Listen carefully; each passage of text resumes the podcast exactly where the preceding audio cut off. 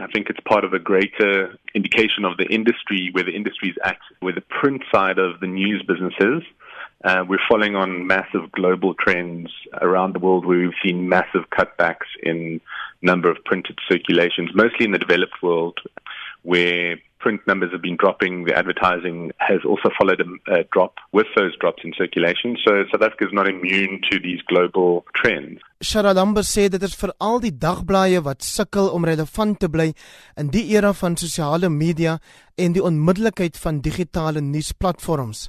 So they were always going to be up against it as the move to, to digital and the move to mobile picked up pace in South Africa. And also because they were that sort of general news type of product. I think where the digital revolution is pushing publishers is to be good and to be experts in their particular field or their niche areas. And that's what's going to create sort of brand affinity and brand loyalty. Om gewoon doelloos in die oseaan van algemene nuus rond te dobber, hou gevaar in.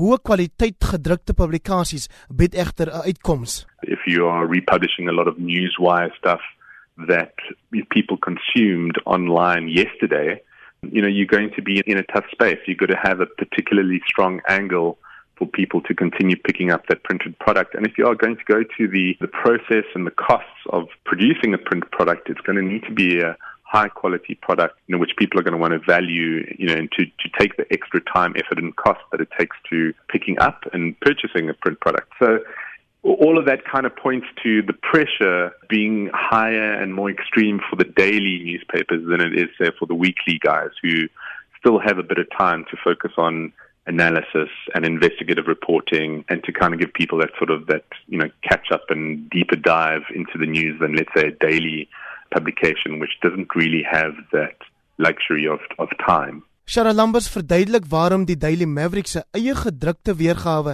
nie lewensvatbaar was nie. 2008 when the magazine stopped was a very different time in terms of you know the global economic crisis being an independent publisher trying to get out a monthly magazine so there's a lot of challenges to being independent trying to get into the retail outlets trying to get advertisers to buy into a, a niche product. And so it, it was just a very difficult environment for an independent publisher to, to break through. Die digitale platform het hulle soveel meer moontlikhede gebied.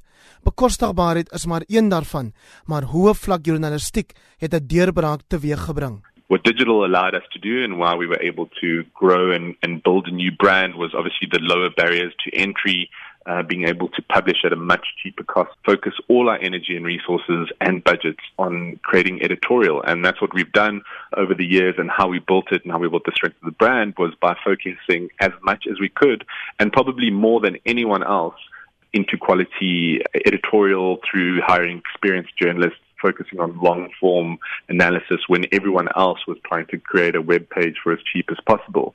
So that's how we built the brand was was focusing on that sort of handcrafted, highly skilled journalistic approach to to news publishing. And then from digital, given the explosion of social media at the same time, that was really we kind of carried that wave of people sharing our content and not having to fight with how do we get a magazine into a retail chain of outlets or into a system that was really being controlled by the existing players. Dit bly moeilik om geld te maak sê Sharalambus, maar dit baat media organisasies as hulle meer entrepreneurs dink oor inkomste generering. Digital is is, is a tough space. But uh, digital advertising uh, and events, we uh, have a very successful event series called The Gathering, one which is coming up in November. We invite the most prominent speakers in South Africa to attend. We uh, have our journalists on stage. So we created an event experience that's rather unique. And then we have spin off businesses that do sort of custom uh, publishing and video editing and production for clients. So it's really a case of becoming a little bit entrepreneurial and taking our skills and how do we apply them in other areas that are complementary to our brand. So advertising events and sort of custom publishing under different business. Wat reken hy is die les uit die Times ervaring vir ander gedrukte publikasies in die land? What this has shown us is that the pressures on print will increase and that in that time it, it almost seems contradictory that the thing that will save you as a printed product is the thing that will end up being it costs you a lot more and that's investing in quality journalism. Quality journalism will help most products survive even if you are in the printed space. But unfortunately, that comes at great cost. So you have these cost pressures, people think, oh, we've got to cut costs, which means they cut the quality, which means the product dies.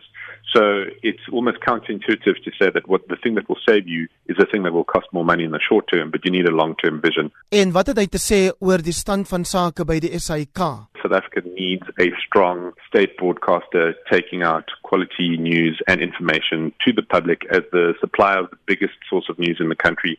We need the state broadcaster to be doing a good job, and there are pockets of excellence in the state broadcaster, and we need them to survive and improve.